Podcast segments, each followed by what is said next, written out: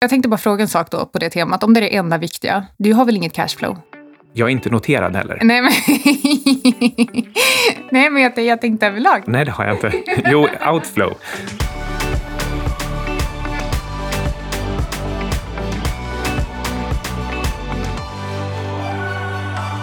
Hej, du lyssnar på Outsiders. Det här är Micke Syding. Och det här är eh, Ulla Andersson, eller eh, Anna Svan. Och eh, vi ska faktiskt snacka lite om Ulla. Nej, det ska vi inte. Vi ska prata lite val, nyckeltal och eh, Fortnox. Och eh, tack så mycket för reaktionerna på Spotify. Kul att höra att, eh, att folk gillade det. Jag tror faktiskt att mina bildmontage hjälpte en hel del. Jag la väldigt mycket kärlek på dem. Det kan ju också vara för att Spotify går som tåget. Det kan det vara. Mm, och det gör börsen också. All time high. Ja, det stämmer. Och eh, jag lyssnade på en podcast, som vanligt, där de diskuterade att eh, vissa påstår att det är nytt all time high och att vissa påstår också att det här är den längsta bullmarknaden någonsin medan andra säger att nej, för att då mäter man på fel sätt. För att vissa menar att du kan inte alls mäta från botten 2009 utan att du ska börja mäta från någon topp 2013.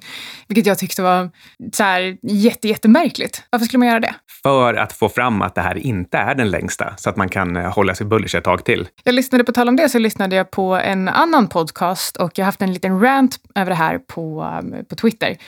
Och eh, det var en förvaltare som för det första sa, jag lovar att om, om ni ger mig fem år, då kommer jag garantera er 15 procent i avkastning årligen. Men då måste ni låsa in pengarna i fem år. Och det här gör jag genom att bara investera i innovationsbolag som har minst en omsättningstillväxt på 25 procent årligen. Förluster? Nej, nej, nej, skit i det. Skit i det. Vi ser, no revenues var det första jag kom att tänka på då. No, no, no, no, no, no, no revenue. I'll call you back. What? Hon sa också att eh, hon menar på att den här bullmarknaden började i november 2016. Intressant perspektiv. jag blev jättearg. För det första så blev jag förbannad när man eh, hittar på enkla parametrar och lurar i folk och säger att det är lätt. Och för det andra, att säga att den riktiga bullmarknaden, som man kallar den för, började i november 2016 i samband med valet när Trump vann.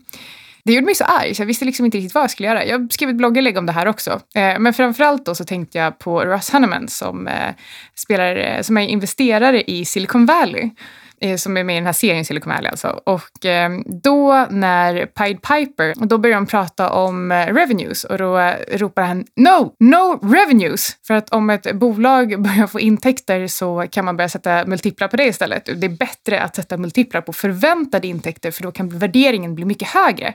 Och jag tyckte att hennes resonemang om att det räckte med 25 procents omsättningstillväxt utan att titta på intäkter var ungefär lika efterblivet. If you show revenue, people will ask how much and it will never be enough. But if you have no revenue, you can say you're pre revenue. You're a potential pure play. Inom biotech så är annars multipeln price-cost ganska gångbar och det beror just på att de inte har några intäkter. Men ju mer de lägger ut i utgifter, ju större investeringar de gör, desto större potential har de ju. Sen är det ingen som eh, förstås har kompetens att kolla om de investerar i rätt saker eller vad sannolikheten att de här faktiskt ger gångbara produkter är. Men eh, price-cost, ju högre, nej, ju lägre price-cost, ju fler, ju mer jag kostar. Det blir, det blir väldigt märkligt med price-cost-multipel. Mm. Ja, nej, så jag, ehm, jag var lite arg på henne. eh, Och, ehm, Men jag ja, blir faktiskt vara. glad när jag hör sånt. Eh, Den typen av eh, så kallade bag holders, är precis det som gör att marknaden blir en marknad. Någon måste ju göra fel också. Jo, fast jag tycker att det är fel. För det första så tycker jag att det är fruktansvärt fel att lova någon att om du låser in mina pengar på en så kort period som fem år så kan jag garantera dig 15 procent årligen. Investerare är vuxna människor. Jag tycker att det luktar lite ponzi. Jo, jo, men investerare är vuxna människor. De går inte på ponzi. Mm, Okej, men nog om det. Vi gjorde valkompassen igår, eller hur? Mm, Men bara precis innan det så säger vi att det här ljudet presenteras av Alexander Marton, vår eminenta ljudredigerare som eh, lägger massor med energi på att få oss att låta så bra. Jag hoppas att han kan eh, klippa bort eh, några möjliga små hundljud för att Capex är på lite dåligt humör. Så jag sitter med honom i famnen just nu. För att om jag släpper ner honom på golvet så låter han av någon anledning. Och det går inte att ställa honom utanför dörren för då blir han arg. Det kan tyckas lite märkligt det här med valkompass och nyckeltal, men det finns en koppling. Och det är att valkompassen sker längs en så meningslös vänster-högerskala, precis som eh, en meningslös meningslösa nyckeltal på börsen ibland gör om man bara pratar om eh, höga, låga P tal Och eh, på den här skalan så är till exempel Anna visar sig vara ganska vänster. och, och, och jag ganska höger. Jag fick 76 procent moderat till exempel och 15 procent vänster. Eh, och Anna fick 70 procent liberal, ni vet de här med den här härliga logotypen. Ja. det sa du, inte jag. Eh, och 19 procent eh, Vänsterpartiet. Så alltså, vi har, jag är 61 höger och Anna 51. Oh, aj! Okej. Okay. Det är ingen Men... som har sagt att det är bra eller dåligt att vara åt ena eller andra hållet. Du, du står för de mjuka värdena. Jag sympatiserar så mycket med Vänsterpartiets eh, ekonomiska idéer. Men allvarligt, vad är det här för skala egentligen? Vad då vänster och höger? Vad betyder men, det ens? Men de har ju gjort om skalan nu. Så att de, det finns ju vänster och högerskala och så finns det en... Eh, så har de satt en, eh, en till skala på den också. Där de mäter om man är för globalisering eller, eh, eller inte. Mm, och det är ju bra att lägga till i alla fall en sån grej så att det inte Eh, inte vänster eller höger ska försöka representera den här andra dimensionen också. Men det behövs ju så eh, massor med fler skalor. Och det är väl därför valkompasser finns, för det är egentligen det är 33 frågor så det, ja, det är ju inte riktigt eh, 33 dimensioner, men det kanske i alla fall är 7-8 områden som representeras där. 33 dimensioner. Jag vet inte riktigt vilken galax du har varit i det senaste, men eh, jag har inga 33 dimensioner i min. Men eh, några intressanta frågor i alla fall så här i valtider är ju till exempel förmögenhetsskatt, RUT och ROT, amorteringskrav och ränteavdrag, vinster i välfärden, skatt på arbete, företagande och eh, om man nu ska lägga på lilla miljöaspekten här, förbud mot nyförsäljning av bensin och dieselbilar. Ja, men ska vi börja med förmögenhetsskatten? Hur bra är den för börsen? Hur bra den är för börsen? Om vi ska skatta bort, det blir mindre kapital att investera. Alltså jag tycker att förmögenhetsskatt är bland det mest efterblivna du kan Ja, för det är, en, det är en skatt på. i tredje eller fjärde led. Skatten ja, men, har snurrat så... massor med varv innan dess och sen ska du dessutom skatta på pengarna som ligger där efter all beskattning. Ja, och det blir mindre mindre kapital i sysselsättning och i sysselsättning. Och ju mindre kapital vi har i sysselsättning, desto mindre kapital går till företag och desto mindre människor kan företag anställa. Och eh, därför blir det svårare att eh, få fler människor i sysselsättning helt enkelt. Men RUT och ROT-avdrag, det kan vara en lite mer komplicerad fråga. Nej, jag tycker faktiskt inte det. Och eh, det här med att Vänsterpartiet hävdar att eh, RUT-avdraget gör att eh, de rika utnyttjar det mer. Jag vet inte riktigt var jag ska börja. För det första då så pratar ju Vänsterpartiet ofta om att eh, det här med att man ska stå för kvinnorna och så vidare. Men de vill avskaffa rutavdrag men inte rotavdrag. Och om man tittar på vilket yrke som är mest kvinnodominerande av liksom till exempel byggarbetare och eh, de som utför kanske städtjänster. Städtjänsterna, det är kvinnodominerat yrke, vilket innebär att om du tar bort rutavdraget, då tar du bort flera arbetstillfällen från kvinnor. Mm, precis, och det finns ju båda ändarna. Om det finns rutavdrag, då blir det fler som har råd att köpa tjänsterna. Så att det blir alltså inte de rika, utan det blir de med mindre och mindre pengar som har råd att köpa tjänsterna. De som är rika har råd att köpa städhjälp ändå. De kommer att göra det ändå. Och jag har, inte då, har inte ens de rika lust att lägga pengar på det, blir det färre jobb. Mm. Så i, i köpsidan så är det bra för de som tjänar mindre. Och i själva liksom säljsidan, de som utför jobbet, ja, då blir det kvinnor och folk som inte har det så bra ställt som får fler arbetstillfällen. Men eh, själva poängen här då är att det är skattesubventionerat. Är det bra när man skattesubventionerar? Ja, men det här tycker jag, det här tycker jag är bra för att det är ett sätt att faktiskt öka sysselsättningen. Och alla, alla sätt att öka sysselsättningen och uppmuntra till, till arbete tycker jag är bra. Och jag menar uppmuntra till arbete mm. tycker jag är jätte, jättebra. Det är ju inte en subvention om du frågar mig. Det att man tar bort ett straff, man tar bort en avgift. Man minskar skatten och då ökar man möjligheten och ökar utbudet av någonting. Det är inte en subvention, de får inte pengar, de slipper betala. Nej, men jag får faktiskt vara beredd att, att hålla med. En annan sak som gör att eh, många, har, många fler kan ta sig råd att till exempel boka flyttstäd med, med rutavdraget som de inte hade kunnat göra om de inte hade det. Vilket innebär att istället för att eh, slita med att kanske flyttstäda ett helt hus så kan de ta in den hjälpen istället. Men, eh, men det här är liksom en fråga för sig. Jag förstår inte vad folk menar med att det här skulle vara en komplicerad fråga och jag undrar om det är någon i Vänsterpartiet som kan matematik. Kan de räkna 1 plus 1? Hur, hur kan man på riktigt säga att det här skulle vara dåligt för kvinnor. Jag tror vi vet efter eh, ditt käftande med Ulla Andersson på Twitter att eh, de inte kan räkna. Det är bara jag som käftar med henne, för hon svarar inte mig. Hon tycker inte om mig. Jag vet inte varför. Okej, okay, men amorteringskrav och ränteavdrag, det här har vi pratat om förut. Åh, oh, nu är jag lite uppe i varv känner jag. Jag är lite arg. Vad finns att vara arg över? att, man, att man vill ta bort eh, rutavdraget och påstår att det här skulle straffa de rika och gynna kvinnor. Jag, jag förstår inte. Men eh, amorteringskrav då? Jag tycker att eh, amorteringskravet, eh, jag förstår vad du menar med att ja, det självklart ska vi betala tillbaka våra lån. Men det som har hänt nu är att vi har ett ränteavdrag, vi har ett amorteringskrav och eh, kan vi inte bara ta bort ränteavdraget istället då?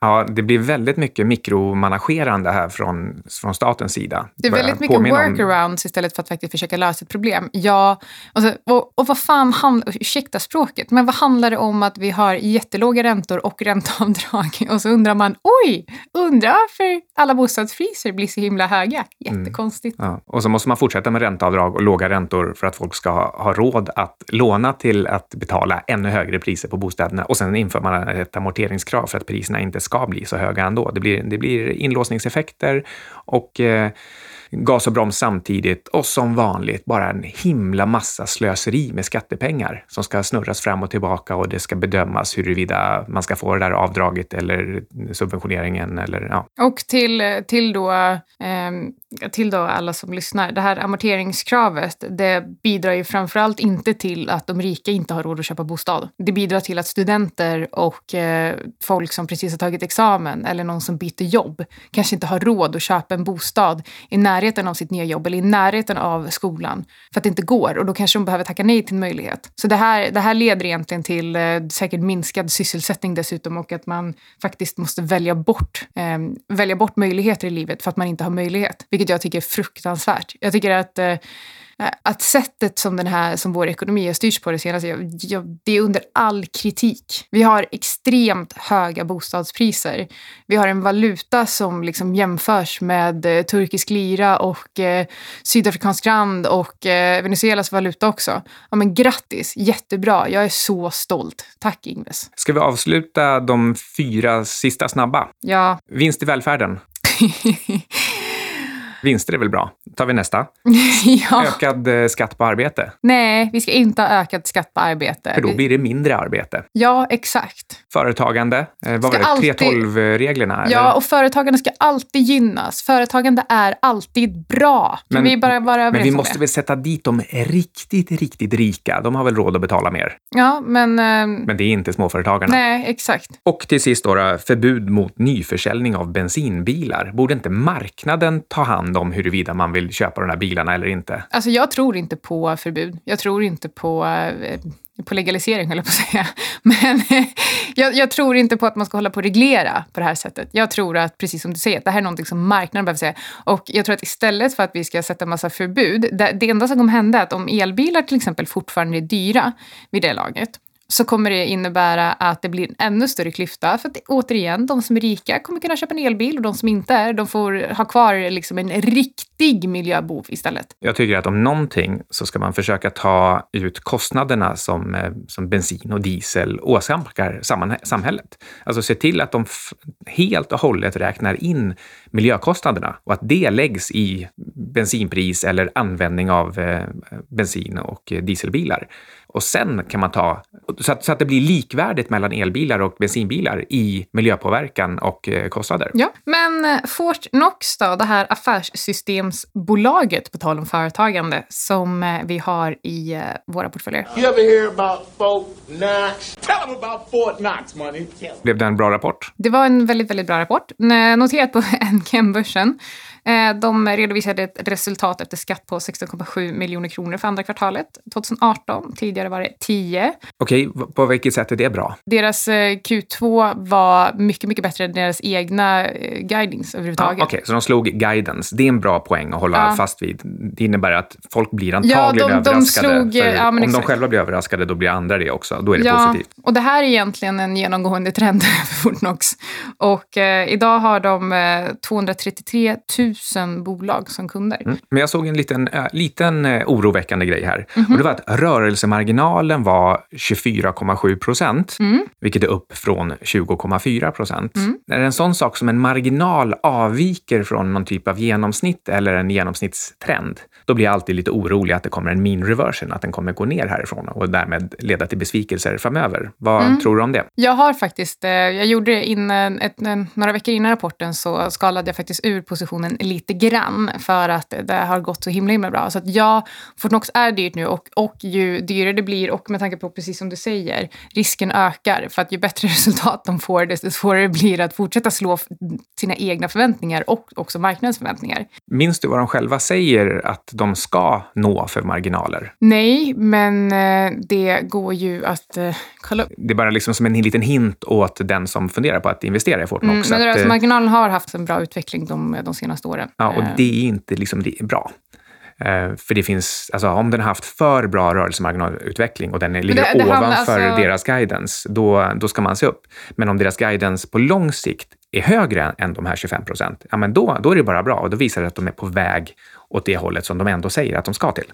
Jag försöker bara liksom hålla lite, skilja här lite på level 1 och level 2. Men jag som använder Fortnox till exempel har gjort det ganska länge. Eh, det, det som jag märker både alltså från, kund, från kundsidan är ju, och det är det som de pratar om också, de lägger till fler och fler tjänster som man kan köpa till. Så det är en liten småsumma, men det gör också att de ökar eh, eh, genomsnittliga intäkter per kund hela tiden samtidigt som de ökar antal kunder. Och det här bidrar också till eh, ökade marginaler. Nu ser jag förresten att eh, Nisse Karlsson har sagt att både tillväxten och rörelsemarginalen ligger över företagets mål. Mm. Och det ser jag som en liten varning för att det kan komma ner därifrån mm. till nästa gång. Så om bolaget är lite, ja men det skulle mycket väl kunna vara lite överhåsat just nu för att ja men det går för bra och folk tänker inte på att, att det blir mean reversion. Men då tycker du att jag har gjort helt rätt då, som faktiskt har skalat ur lite grann? Ja. Bra. Mm, men nu pratar vi om en massa olika nyckeltal och siffror och hur man ska bedöma dem. Ska man bedöma absolutnivån eller förändringen eller förändringen jämfört med guidance eller ja,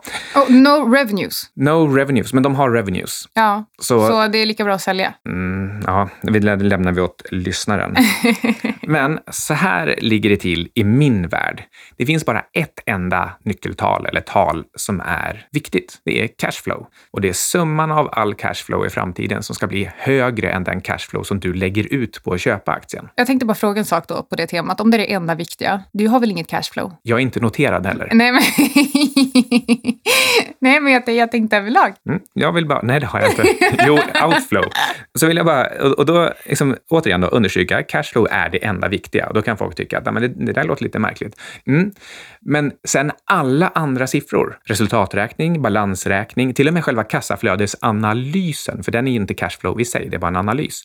Eh, eller sammansättningen av styrelsen, eh, mjuka nyckeltal som antal användare. Alla de här, de är bara till för att räkna ut kassaflödet. Eh, ja, och vad vill du säga med det? Jag vill att folk ska hålla blicken på bollen och fundera ut vad det är de egentligen är ute efter när de säger att ja, men nu var omsättningstillväxten bättre eller bättre än väntat eller absolut sett på en, en hög nivå. Vi, vi har ju faktiskt pratat om det här innan, att så här, om man, du analyserar ett bolag, välj tre parametrar som du tittar på. Men då skulle man också kunna välja i de här tre parametrarna, om du ska till exempel titta på, eh, titta på bolagets finanser, titta på, titta på cashflow som en av dem. Ja, eh, jag, jag, tycker att eh, för att hålla blicken på den här bollen så kan man alltid fundera över var ser jag det här bolaget om tio år? När det kanske är någon slags steady state och när investeringar och avskrivningar matchar varandra och när man kan börja se just det här kassaflödet och man får tillbaka det i form av antingen utdelningar eller någon typ av implicit cashflow yield, alltså kassaflödet genom marknadsvärdet. Men, men för, att komma, för att kunna göra de här bedömningarna, då är förstås alla andra olika nyckeltal kan vara intressanta vägledare. Och de i sin tur, vilka man ska välja, skiljer sig åt från företag till företag. Och det är därför det blir intressant att ibland fundera på vad är substansvärdet? Det kan vara till exempel i ett investmentbolag. Eller vad är return on equity? Det kan vara väldigt intressant i en bank. Eller vad är ebitda? Det är ett resultatmått för vissa, vissa eh, minusposter. Det kan vara intressant i ett bolag som kanske inte visar så mycket vinst ännu eller som har stora lån eller ja, som ser ut på ett visst sätt. Och så finns det andra bolag där det absolut mest intressanta, det är nettovinsten och faktiskt till och med det här lite hatade P talet Ibland går P tal att använda. Skulle du säga att ett sätt att titta på om ett bolag är en hype eller inte, eh, och då tänker jag framförallt på om de har liksom ökat eh, eh, ökat egentligen kassaflöde, omsättning och sådär mer än räknat. Skulle man kunna säga att om, eh, om aktiekursen stiger i mycket högre takt än vad, eh, vad de här måtten gör eh, så blir det till slut en bubbla? Ja, det tycker jag är en generell slutsats. Så det är väl, så det är väl man skulle säga då att ponera att Fortnox till exempel ökar sitt resultat med 40 eh, procent årligen, då är det ju det är jätte, jätte, jätte, jättemycket. Men då är det ju helt orimligt att aktiekursen ökar med 100 procent eh, årligen. Ja, efter ett tag så blir det orimligt. Det Precis. kan ju vara att den behöver komma i fatt för att den var missförstått innan, men, ja, eh, men, men förr eller senare blir det orimligt. Precis, så att det kan vara ganska bra att, att ha koll på ungefär när man går över den gränsen och mm. faktiskt då kanske börja skala ur eller fundera på är det här för dyrt eller inte. En en annan hypefaktor som man ska se upp med, det är när eh, bolaget eller en bransch eller analytiker använder nya och konstiga förkortningar eller termer eller eh, svårförståeliga eh, mått för att avgöra om bolaget går bra på eh, slutet av 90-talet då pratade man mycket om eyeballs. Och det var helt enkelt användare som klickade in på din sajt men eh, inte gjorde någonting. Det är lite som följare på Twitter. Mm. Och vi, det finns ju väldigt många som har 10 000 följare på Twitter men som inte tjänar ett öre på sitt tweetande. Det säger någonting om, om eyeballs och eyeballs värde. Och till exempel i fallet Spotify, ja, då har vi användare och betalande användare. Här så kanske faktiskt användare, även de som inte betalar, är ett intressant mått. Dels för att det kan avgöra hur mycket reklamintäkter man får, men också för att man kan mäta flödet mellan icke-betalande och betalande ja, användare. Men det, var det, det var det jag tänkte säga, för vi pratade ju om att uh, first hit is free med Spotify. Att det, det verkar som att uh, många som faktiskt testar tjänsten väljer att sen börja betala för den också.